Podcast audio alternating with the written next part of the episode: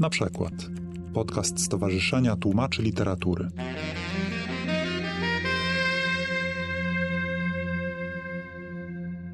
Serdecznie zapraszamy na kolejną odsłonę naszego cyklu spotkań Przekład przed publikacją.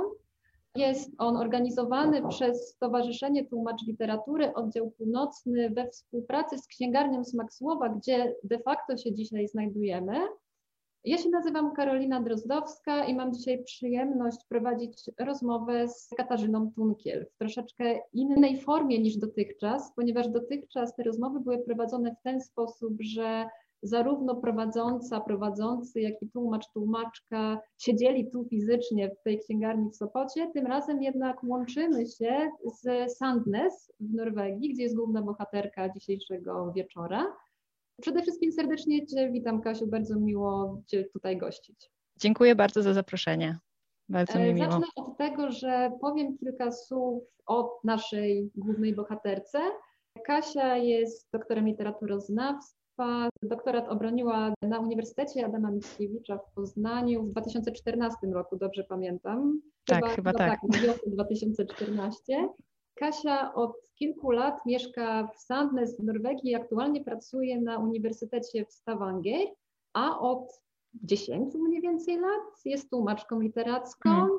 Jeśli chodzi o Twój dorobek, Kasiu, to on jest bardzo szeroki, bo znajdziemy w nim zarówno ambitne powieści, jak na przykład Karla Fredego Tillera albo Simona Strangera, sporo literatury dla dzieci i młodzieży, sporo non-fiction. Jesteś też członkinią Stowarzyszenia Tłumacz Literatury. Dziś obie jesteśmy obrandowane, ale ta książka, o której będziemy dzisiaj rozmawiać, jest w pewnym sensie wyjątkowa, bo wyjątkowa jest autorka, bo niecodziennie zdarza się jakiemukolwiek tłumaczowi tłumaczyć noblistkę.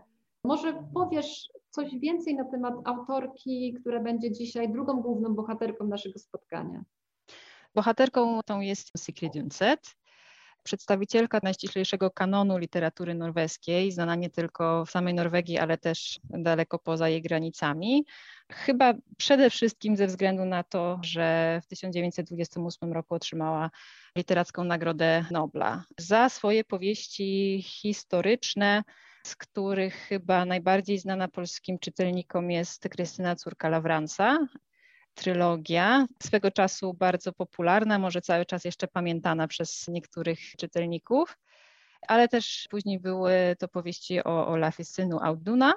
I to właśnie te średniowieczne powieści historyczne jej dały, przyniosły tego Nobla i to warto może też wspomnieć o tym, że Undset jest ostatnią z osób, które otrzymały literacką Nagrodę Nobla z Norwegii i jedyną kobietą w tym gronie.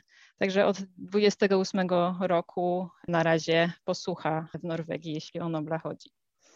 Ja dzisiaj przyniosłam ze sobą Krystynę Córkę Lawransa. To jest wydanie z roku 88, pierwszy tom, bo ta powieść ma trzy tomy. I to jest przekład, który powstał jeszcze w dwudziestoleciu międzywojennym. To jest przekład Wandy Kragen. I to, co jest ciekawe, to jest to, że to nie jest przekład zrobiony bezpośrednio z języka norweskiego, tylko z niemieckiego. Zresztą tak się wtedy norweską literaturę często tłumaczyło na język polski. Czy Tak. myślisz, że Krystyna doczeka się nowego przekładu na polski? Wiesz co, nie wiem, czy się doczeka i nie wiem, czy tak naprawdę jest jakaś pilna potrzeba tworzyć nowy przekład akurat tej książki, bo ja nie wiem, ja nie wracałam do Krystyny od czasów, kiedy przeczytałam ją po raz pierwszy jeszcze przed rozpoczęciem studiów, także nie mam absolutnie na świeżo tej lektury po polsku, czy nawet po norwesku, ale pozwoliłam sobie przed naszym spotkaniem troszeczkę zajrzeć i z ciekawości tak porównać w ogóle, spojrzeć na tę norweską i polską wersję. I uderzyło mnie, że ten przekład, kurczę, no brzmi przynajmniej po takiej bardzo wyrywkowej kontroli bardzo dobrze. Tam są oczywiście pewne wpadki, które wynikają z tego, że to jest przekład przez drugi język, ale nie jestem pewna, czy nowy przekład jest tutaj absolutnie konieczny. Nie wiem. Myślę, że to może jest temat na inną rozmowę. E, Myślę, że zdecydowanie tak. I w ogóle tłumaczenia międzywojenne skandynawskich autorów to jest temat ciekawy sam w sobie. Natomiast jeszcze raz machnę Krystyną, Mm. bo tak jak powiedziałaś, polski czytelnik chyba głównie z tą książką kojarzy nazwisko Z, ewentualnie z innymi powieściami tej autorki. I to są epickie opowieści osadzone w dawnych czasach. A ta książka, o której będziemy dzisiaj rozmawiać, to jest coś zupełnie innego. Czy możesz Dokładnie. powiedzieć, na czym ta inność polega? książką, bohaterką spotkania jest książka, która w polskim wydaniu otrzyma tytuł Odzyskać przyszłość. W oryginale to jest Tilbake til framtiden, czyli tak naprawdę powrót do przyszłości, ale tutaj z oczywistych względów i skojarzeń intertekstualnych staraliśmy się uniknąć tego tytułu akurat w wersji polskiej. To jest książka o tyle niezwykła, że jest to książka non-fiction, to jest literatura faktu, to są wspomnienia Sigrid Undset, ale tak naprawdę tekst, który miesza, łączy rozmaite gatunki literackie, bo ja go odbieram w przeważającym stopniu jak korelację z podróży. Także to jest połączenie wspomnień na temat wybuchu wojny to jest książka, która rozpoczyna się wraz z wybuchem II wojny światowej w Norwegii, czyli 9 kwietnia 1940 roku. I wojna zostaje Unset w Oslo i ona wraz z innymi ludźmi wtedy z tego Oslo ucieka do swojego domu do Lillehammer ale stamtąd dalej też musi bardzo prędko się ewakuować. I od razu powiem może dlaczego i skąd cała ucieczka, bo tak de facto to odzyskać przyszłość jest relacją z podróży, ale tak naprawdę z ucieczki przed nazistami z Norwegii do Stanów Zjednoczonych, drogą okrężną przez Szwecję, Związek Radziecki i Japonię. I o tym właśnie jest ta książka, o tej podróży. Natomiast dlaczego ona musiała uciekać, bo to jest dosyć ciekawe. Uncet była już w 40 roku laureatką Nobla i bardzo uznaną pisarką, bardzo zaangażowaną we wszelkiego typu debaty publiczne i bardzo znaną ze swojego wyraźnie antynazistowskiego stanowiska. Także ona była orędowniczką walki z nazizmem i z Niemcami i za to oczywiście podpadła. Jej książki znajdowały się w Niemczech na czarnej liście, nawet jej nazwiska nie można było w prasie niemieckiej wymieniać. Także z tego powodu ona z Norwegii zaczęła uciekać taką drogą no właśnie okrężną, trochę na północ Norwegii, później do Szwecji. Tam się przez chwilę schroniła u swoich przyjaciół. I gdy okazało się, że droga przez Atlantyk może być utrudniona, to padła decyzja, no to w drugą stronę, czyli przez Związek Radziecki koleją transsyberyjską do Japonii i stamtąd przez Pacyfik do San Francisco i dalej do Nowego Jorku. Już ten ostatni etap podróży przez Stany Zjednoczone nie jest w książce opisany, ale towarzyszymy UNCED od Norwegii do przybycia mniej więcej do brzegów Stanów Zjednoczonych. To jest bardzo ciekawe, co mówisz o tych bardzo jasnych antynazistowskich poglądach autorki, bo robi nam się taki ciekawy norweski dwugłos noblistów, prawda? Bo Dokładnie. Inny norweski noblista, Knut Hamsun, laureat Literackiej Nagrody Nobla w roku 1920, sympatyzował z kolei z trzecią Rzeszą. Nie chcę, żeby z tego się zrobiła dyskusja historyczno-polityczna, ale czy myślisz, że te dwie skrajne pozycje dwojga noblistów odzwierciedlały jakiś jasny podział w norweskim społeczeństwie, który wtedy istniał? Nie jestem historyczką i trudno mi jest tutaj wydawać wyraźne sądy. Na pewno istnieli zwolennicy Hitlera i Quislinga, który rządził w Norwegii z ramienia III Rzeszy. To jest taka czarna karta historii norweskiej, której Hamsun jest takim najznamienitszym przykładem tych sympatii, które gdzieś tam istniały. Zresztą istniały osoby, które się zaciągały nawet do armii niemieckiej i walczyły na przykład na froncie wschodnim.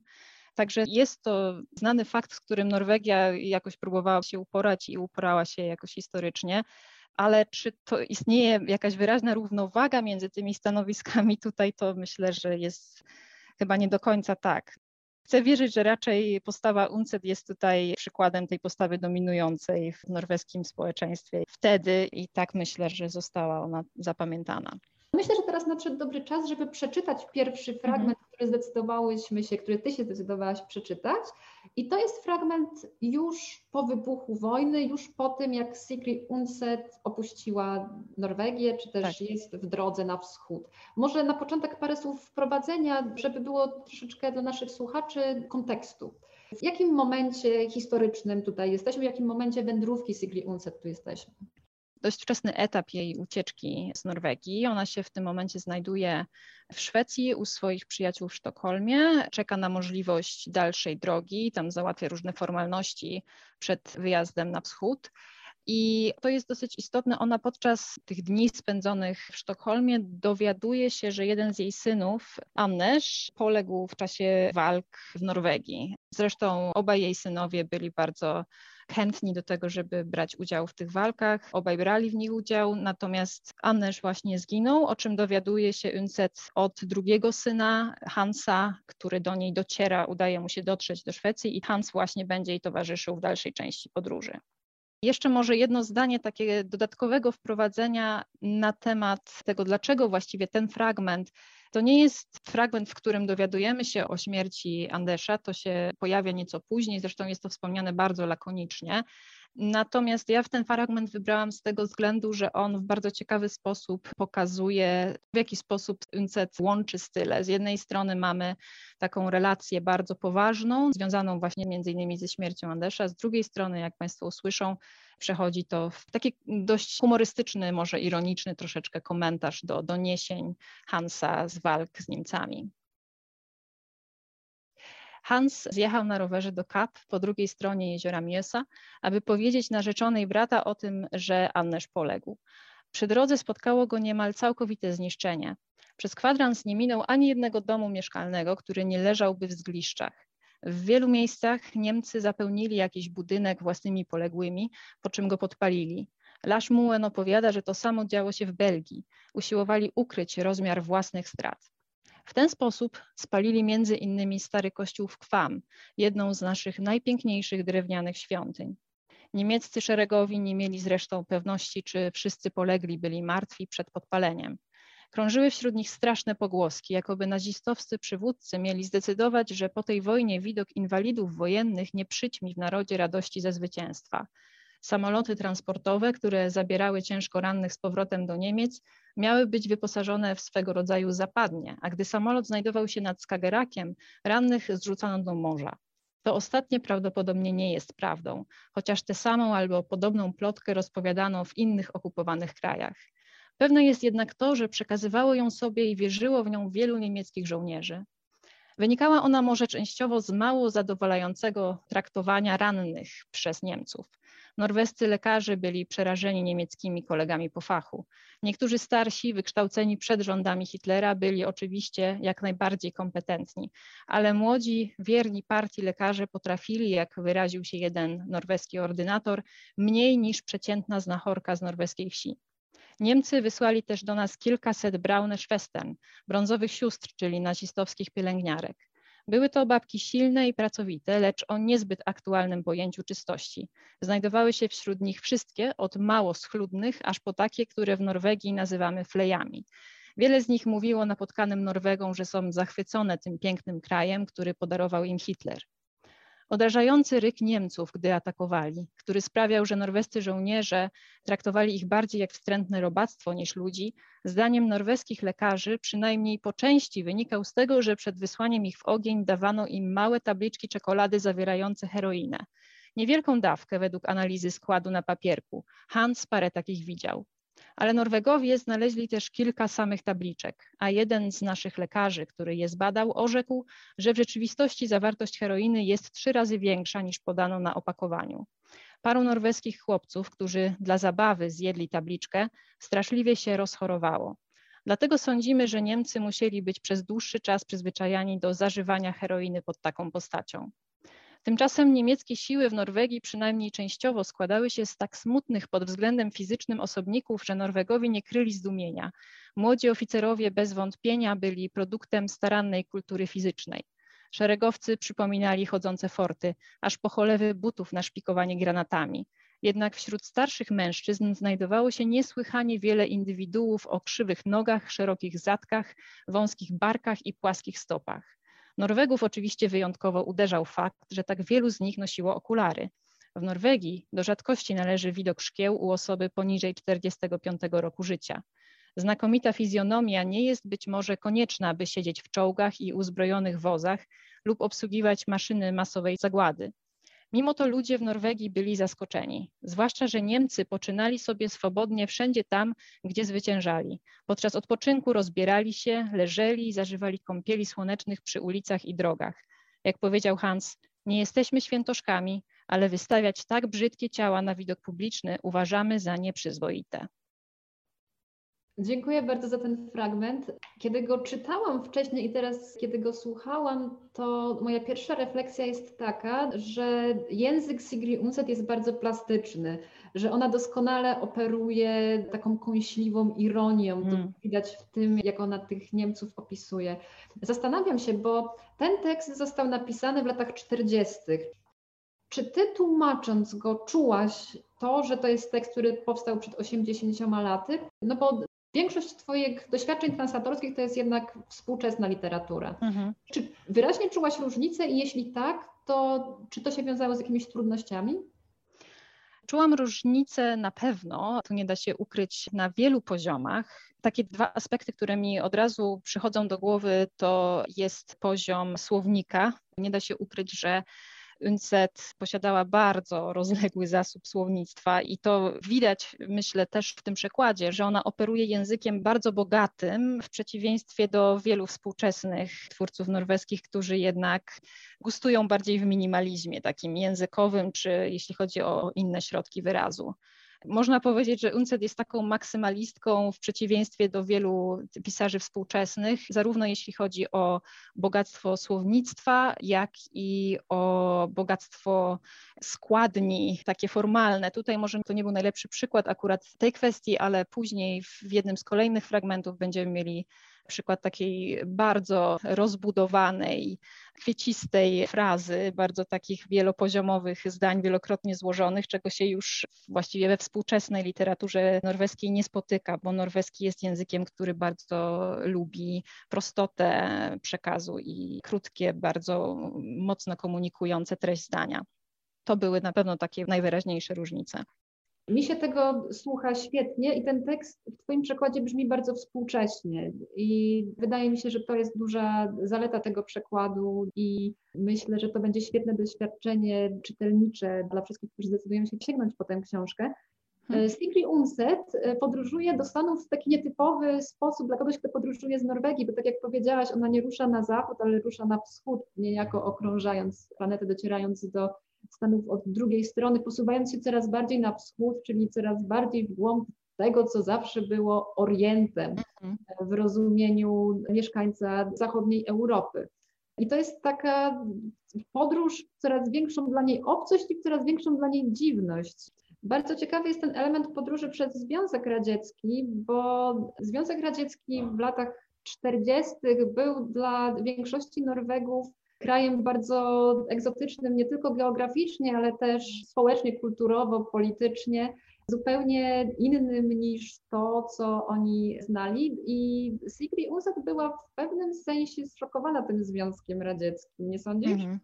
Tak, absolutnie. I ja właściwie trochę żałuję, że nie mogłam wybrać większej ilości fragmentów z tej książki, bo na pewno wybrałabym inne jeszcze, właśnie z tego rozdziału, który jest moim ulubionym też w całej książce, właśnie ze względu na to jej zderzenie, powiedziałabym pewnie gdzieś może stereotypowych wyobrażeń na temat Związku Radzieckiego z rzeczywistością, którą ona tak naprawdę obserwowała, można powiedzieć, z perspektywy turystki. Tak? Ona nie miała głębokiego dostępu do tej kultury. Ona spędziła w Moskwie raptem cztery dni, później cała podróż koleją transsyberyjską i to właściwie tyle, ale tyle i aż tyle, bo rzeczywiście te jej spostrzeżenia są bardzo fascynujące i tak jak mówię, gdzieś tam skażone pewnie stereotypem, własnymi uprzedzeniami, zresztą to widać też w innych częściach tej książki. Jej poglądy na tematy wszelkie są bardzo wyraźne i ona nie owija w bawełnę pisząc zarówno o tych krajach, które mija po drodze, ale też o Niemcach i o Stanach Zjednoczonych, to może do tego jeszcze później dojdziemy ale ten etap podróży właśnie przez Związek Radziecki jest niezwykle ciekawy i mamy przygotowany fragment z początków tej podróży, ale zachęcam bardzo do lektury całego rozdziału, szczególnie w książce, jak już się ukaże. Jeśli chodzi o pytania, to Zuzanna Cichocka pyta. W sumie jestem ciekawa, czy sądzi Pani, że mhm. literatura norweska w jakiś sposób traci na tym upraszczaniu języka? Tu zapewne pytanie dotyczy tej różnicy pomiędzy językiem mm który powiedziałeś, że jest złożony, a tym językiem współczesnym, który powiedziałeś, że jest prosty. No to może była też dosyć uproszczona odpowiedź z mojej strony, bo to nie jest do końca tak, że język współczesnej literatury norweskiej jest prosty zawsze i w każdym przypadku. Na pewno jest pod wieloma względami nieco prostszy niż ten, który reprezentuje UNCET, ale czy traci ta literatura na tym?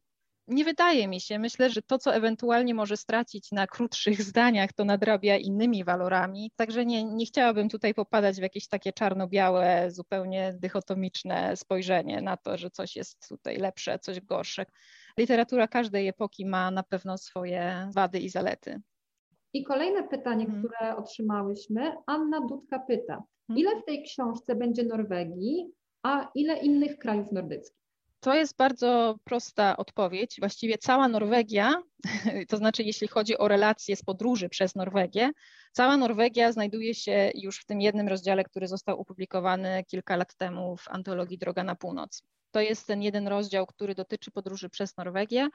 Każdy kolejny rozdział książki dotyczy innego kraju, także Szwecja, Związek Radziecki, Japonia, i tak naprawdę ostatni rozdział nie dotyczy już stricte podróży, ale jest bardziej takim esejem na temat demokracji i krytyką Niemiec i totalitaryzmu.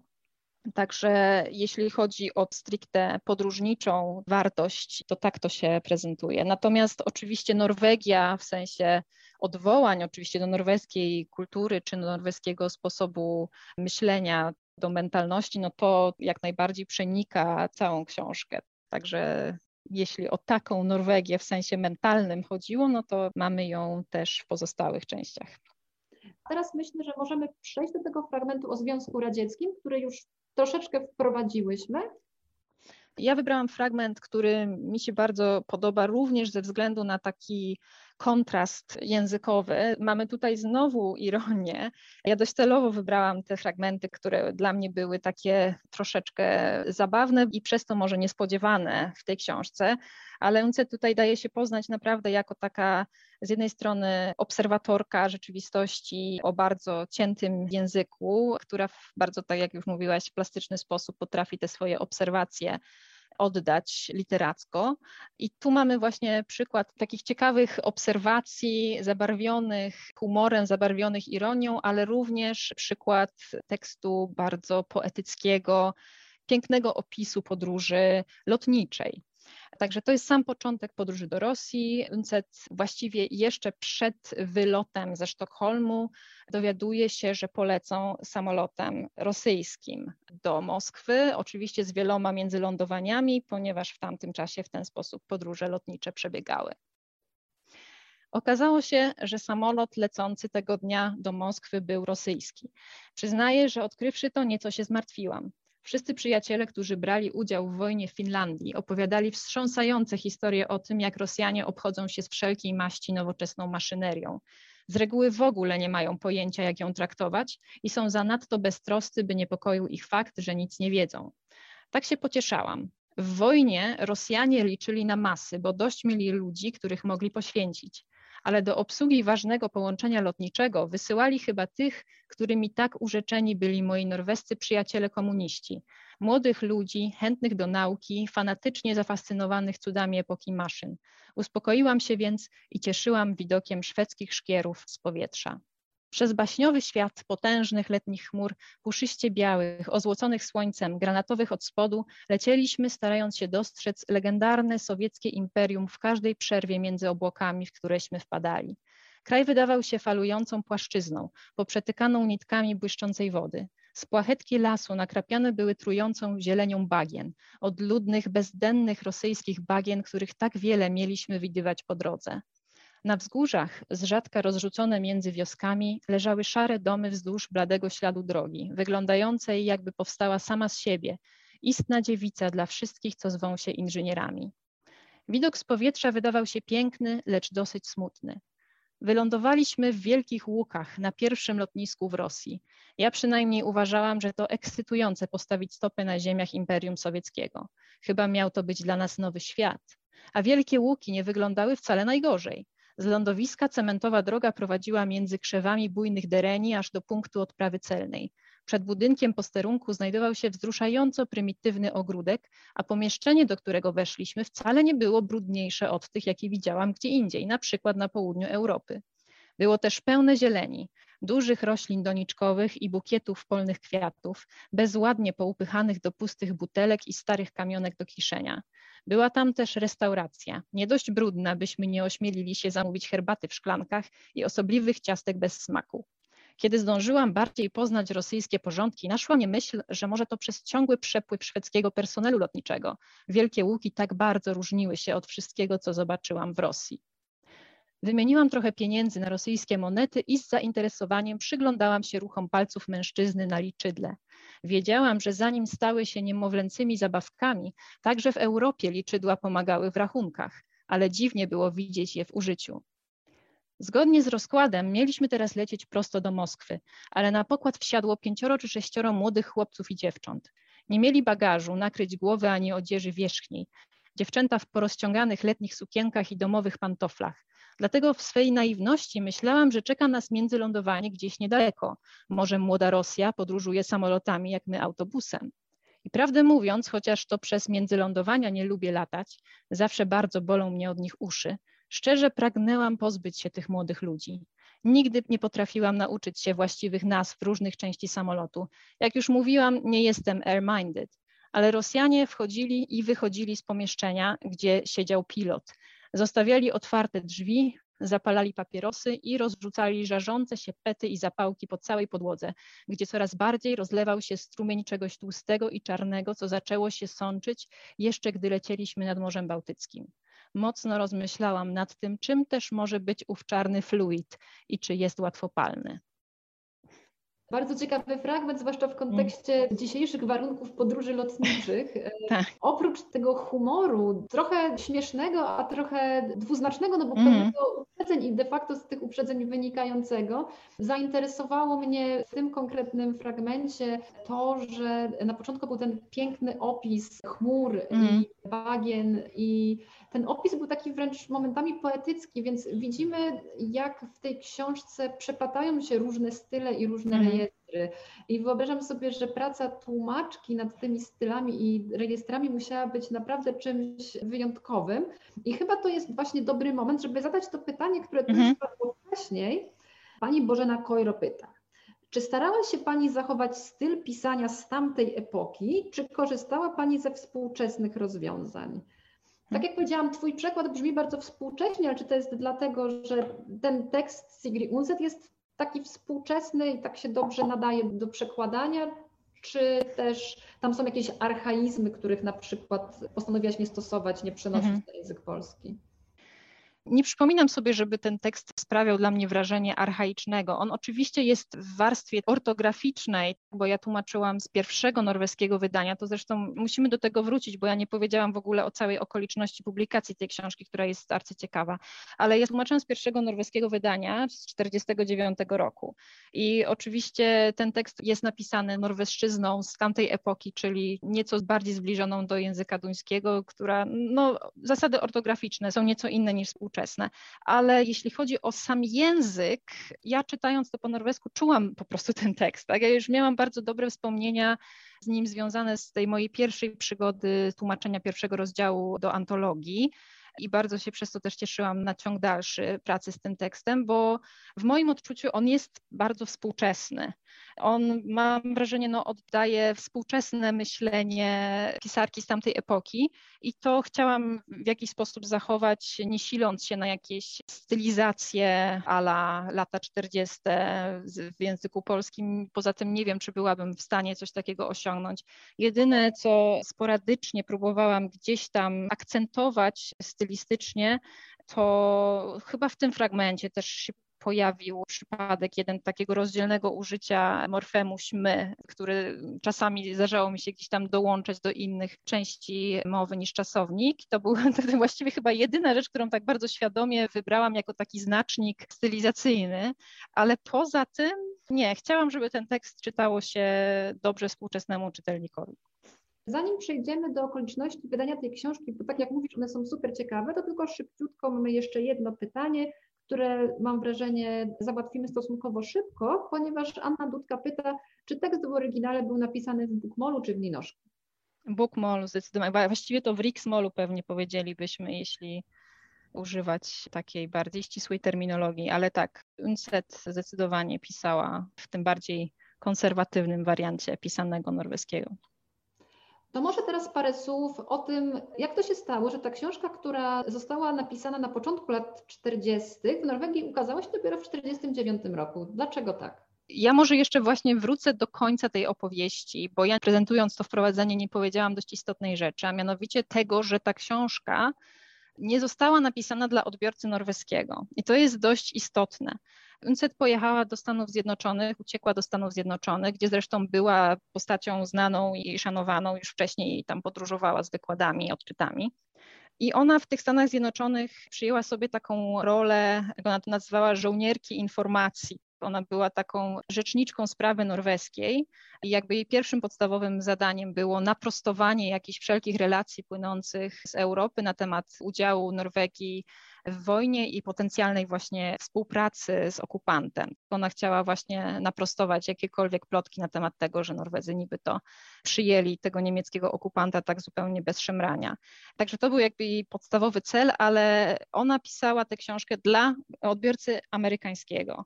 I ta książka zresztą nosi tego wyraźne znamiona, chociażby przez liczne wtręty anglojęzyczne, zresztą no, Unset mówiła dość dobrze po angielsku, ponoć miała fatalną wymowę, ale sobie radziła. Także ona wtrąca ten angielski, gdzie niegdzie nawiązuje, wyjaśnia pewne rzeczy, które dla norweskiego czytelnika nie byłyby wyjaśniane. I ta książka ukazała się najpierw właśnie w Stanach Zjednoczonych w przekładzie Henriette albo Henriette, jeśli to norweskiego pochodzenia, Amerykanka zapewne, Neiseth bodajże.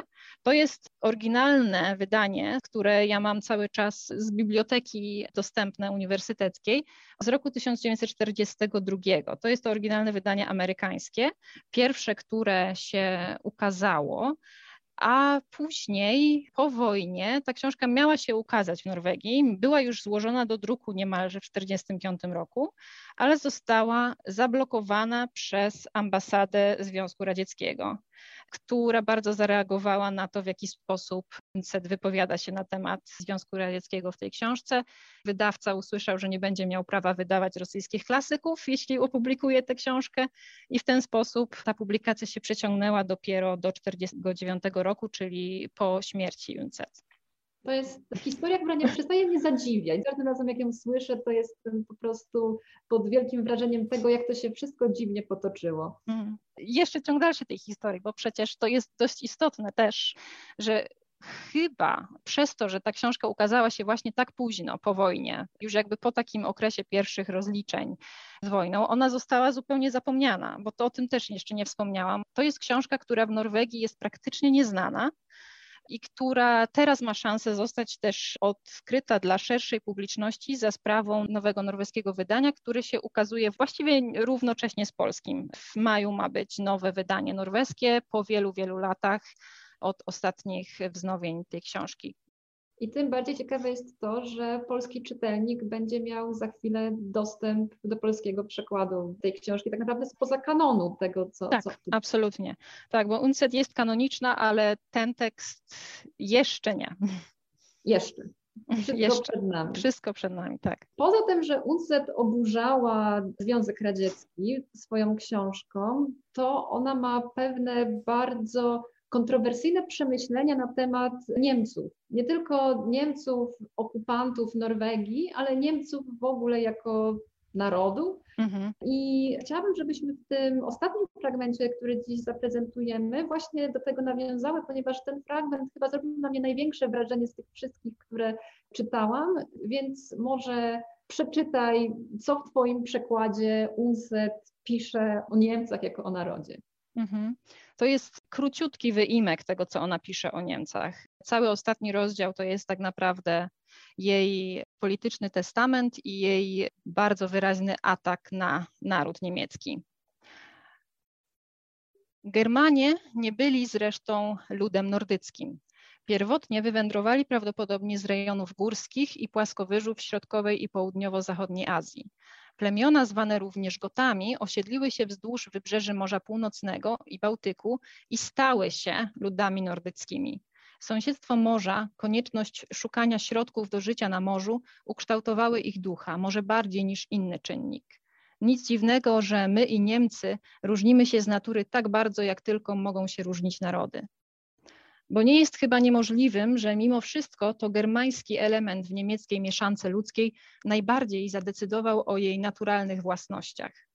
Germańskie plemiona żyjące na terenie obecnych Niemiec mieszkały w ciemnych, bagnistych lasach nad grząskimi brzegami rzek. Ale dla prymitywnych dzikusów, którymi byli Germanie, kiedy przybyli do swoich późniejszych europejskich osad, las jest przerażający, pełen tajemnych, zagadkowych strachów, Inaczej niż morze, surowy, lecz szczery wróg i szczodry przyjaciel. W lesie pojedyncza jednostka jest zgubiona. Lęk przed lasem wyciska z samotnego człowieka odwagę i męstwo. Aby poradzić sobie z lasem, trzeba połączyć się z wieloma ludźmi, stać się częścią gromady, Mentalność stadna, okrucieństwo, które zawsze powstaje w stadzie, ponieważ każdą w nim jednostkę cechuje na wpół uświadomione poczucie utraty męstwa, które musi pomścić, oraz brak odpowiedzialności, z którego chce korzystać, oczywiście nie jest zjawiskiem wyłącznie niemieckim. Jednak nigdzie w tak zwanym cywilizowanym świecie psycholodzy i psychopatolodzy nie mają równie ogromnych możliwości, by badać istotę mentalności tłumu, jej niszczącą i dziesiątkującą moc w ludzkim społeczeństwie. To tutaj szczurołapy z Hameln lub z piekła mogą po wsze czasy urządzać swe łowy prastara i niewzruszona wiara Niemców, że bezwzględność, wyszukane okrucieństwo i groza to niezawodne środki, aby uzyskać wszelkie korzyści i dobra pożądane przez stado nieodpowiedzialnych jednostek, jest może dziedzictwem polękających się lasu dawnych Germanach. Podobnie marzenie, by wydostać się z leśnego więzienia, zdobywać cudze domostwa i owoce cudzej pracy, zamiast starać się przekształcać swój kraj w społeczeństwo wolnych ludzi. Marzenie uformowane w płynnych społecznościach i efemerycznych tworach państwowych epoki wędrówki ludów. Podczas wzajemnych prób podbijania i ujarzmiania podejmowanych przez niemieckie księstewka w średniowieczu i w okresie reformacji. W Dranknach Osten i Dranknach Westen, w polityce podbojów Hohenzollernów od czasów Fryderyka Wielkiego po panowanie Wilhelma II w pełnej zachwytu aprobacie niemieckiej młodzieży dla słów mocno niegermańskiego Adolfa Hitlera, obiecującego niemieckiemu ludowi panowanie nad światem i bezgraniczną wolność rabowania. Muszę powiedzieć, że ta wizja Niemców jako ludu żyjącego na bagnach robi duże wrażenie. I ta wykładnia tego, jak Sigrid Undset w ogóle postrzega Niemców jako naród, jest bardzo interesująca i tak się zastanawiam, w świetle tego, co przeczytałyśmy i w świetle tego, co powiedziałyśmy sobie, jak sądzisz, co współczesny polski czytelnik w tej książce znajdzie dla siebie, bo nie chcemy zostawić czytelnika z wrażeniem, potencjalnego czytelnika z wrażeniem, że ta książka jest pełna uprzedzeń i stereotypów, mhm. bo tak naprawdę ta książka jest czymś dużo więcej. Więc czego współczesny polski czytelnik może w tej książce poszukać i co tam może znaleźć? O, ja myślę, że może znaleźć bardzo wiele to wszystko oczywiście zależy od czytelnika. Nie możemy zapominać, że ta książka ukazuje się w bardzo konkretnej serii, w bardzo określonym wydawnictwie, w serii Świadectwa XX wieku, ośrodka Karta, także dla wszystkich zainteresowanych historią i alternatywnym spojrzeniem na historię XX wieku to będzie bardzo cenna i ciekawa pozycja z pewnością. Natomiast nie tylko dla nich. Ja myślę, że tutaj wszyscy, których interesuje po prostu dobra proza i non-fiction, reportaż, relacja podróży, te gatunki, właśnie troszeczkę niekonwencjonalnie, bo sprzed tak wielu lat, a więc no, ze względu na kontekst, jest to tekst bardzo unikatowy. Oczywiście nie mam tutaj też zamiaru podkreślać kwestii stereotypowego patrzenia, bo tego nie dało się w sumie uniknąć, jeśli weźmiemy pod uwagę kontekst powstania tej książki, ale ona no, literacko ma bardzo wiele również do zaoferowania czytelnikowi, który po prostu jest zainteresowany książką o bardzo ciekawym języku i ciekawych też spostrzeżeniach, przemyśleniach. I co nie mniej istotne, myślę, że cały czas dość mocno aktualną również, jeśli weźmiemy pod uwagę to końcowe przesłanie UNCED, czyli PEAN na cześć demokracji. Myślę, że to będzie taka książka, której jeszcze będą Ci różne osoby wielokrotnie gratulowały. Ja mam nadzieję, że ona wyjdzie poza kontekst, w jakim ma być opublikowana, czyli taki stricte historyczny i że trafi do szerszego grona niż tylko osoby zainteresowane historią XX wieku, bo na pewno na to zasługuje. I wydaje mi się, że to jest doskonałe podsumowanie naszej hmm. rozmowy. Dziękuję Ci bardzo, Kasiu, że uczestniczyłaś w naszym spotkaniu. Dziękuję. Dziękuję również księgarni Smak Słowa za to, że to spotkanie umożliwiła. Serdecznie dziękujemy w imieniu organizatorów miastu Sopot, które jest sponsorem naszego cyklu spotkań. Drodzy Państwo, serdecznie dziękujemy za uwagę, za wszystkie komentarze, za wszystkie pytania. To nie jest ostatnie słowo oddziału północnego Stowarzyszenia Tłumaczy Literatury i Księgarni Smak Słowa. Najprawdopodobniej wkrótce wrócimy do Państwa z nową odsłoną tego projektu, bądź z ewentualnie innymi projektami. Do zobaczenia w przestrzeni wirtualnej, bądź być może już w przestrzeni rzeczywistej. Wszyscy trzymają kciuki. Wysłuchali Państwo na przykład podcastu Stowarzyszenia Tłumaczy Literatury.